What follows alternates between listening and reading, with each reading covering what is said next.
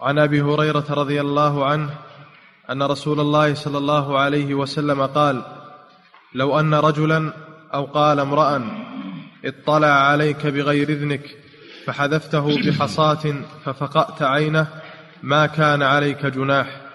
نعم. هذا من الوقاية لما ذكر الحدود و التي على الفواحش والجرائم ذكر الوقاية منها. ووسائل الوقاية من الجرائم كثيرة منها غض البصر غض البصر عن عورات الناس غض البصر عن النساء غض البصر عن البيوت لأن البيوت قد يكون فيها أهلها على حالة لا يجوز الاطلاع عليهم فيها قد يكون فيه نساء غير محجبات فيه نساء قد يكون على حالة لأنهن آمنات في بيوتهن. قد تكون المرأة تتوضأ أو تقضي حاجتها أو تستحم أو غير ذلك لأنها في مأمن في بيتها وفي ستر. يكون في البيوت أسرار لا لا يجوز لأحد أن يطلع عليها أو يستمع إلى أحاديث أهلها.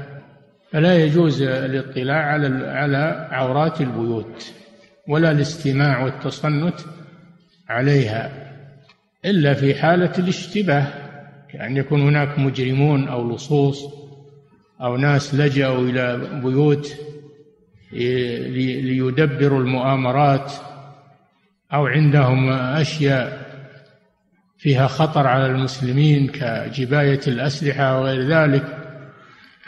فإنه لا بأس بأن يتابع هؤلاء وأن يستمع إلى أقوالهم وما يتناجون فيه بينهم وتستعمل الآلات التي تظهر هذا وأن يطلع عليهم حتى يقبض عليهم.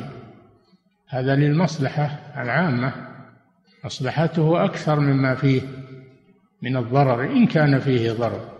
أما الأناس الأبرياء والأتقياء فهؤلاء لهم حرمة والبيوت لها حرمة.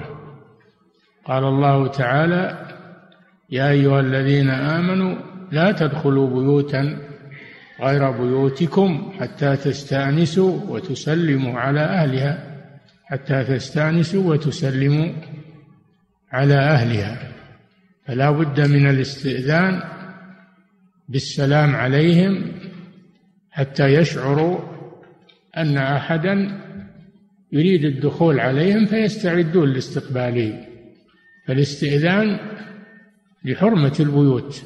فلو أن إنسانا انتهك الحرمة وتطلع إلى بيوت الناس ليرى عوراتهم فلهم أن يفقعوا عينه العين التي أجرمت وتريد الاطلاع تفقع لأنها لا حرمة لها كما أن اليد السارقة تقطع لأنها خائنة. فكذلك العين تفقع فلو أن صاحب البيت خذف أو حذف حجرا أو شيئا خفيفا على هذا الذي يطلع فأصاب عينه فذهبت فإنها هدر.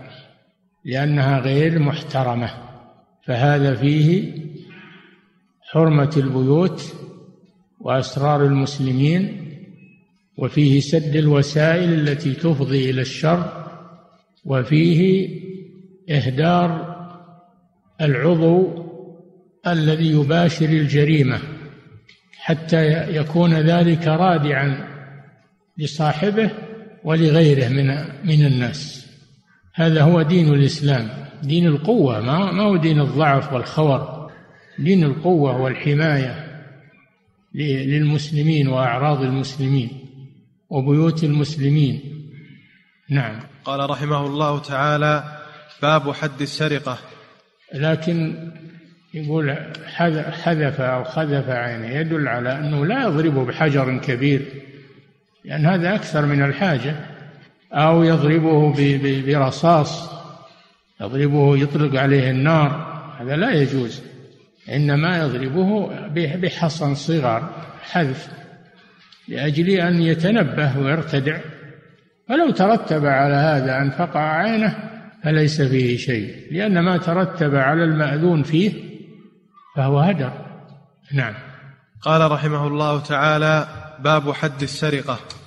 نعم انتهى من حد الزنا وحد الزنا فيه حماية للأعراض وحد السرقة في حماية للأموال لأن الإسلام جاء بحفظ الضروريات الخمس بحفظ الدين وذلك بقتل المرتد وبحفظ النفس وذلك بالقصاص وبحفظ العرض وذلك بحد القذف وبحفظ النسل وذلك بحد الزنا وبحفظ الأموال وذلك بحد السرقة وبحفظ الأمن وذلك بحد قطاع الطرق وبقتال البغاة بقتال البغاة. إن هذا لأجل حفظ الأمن. نعم.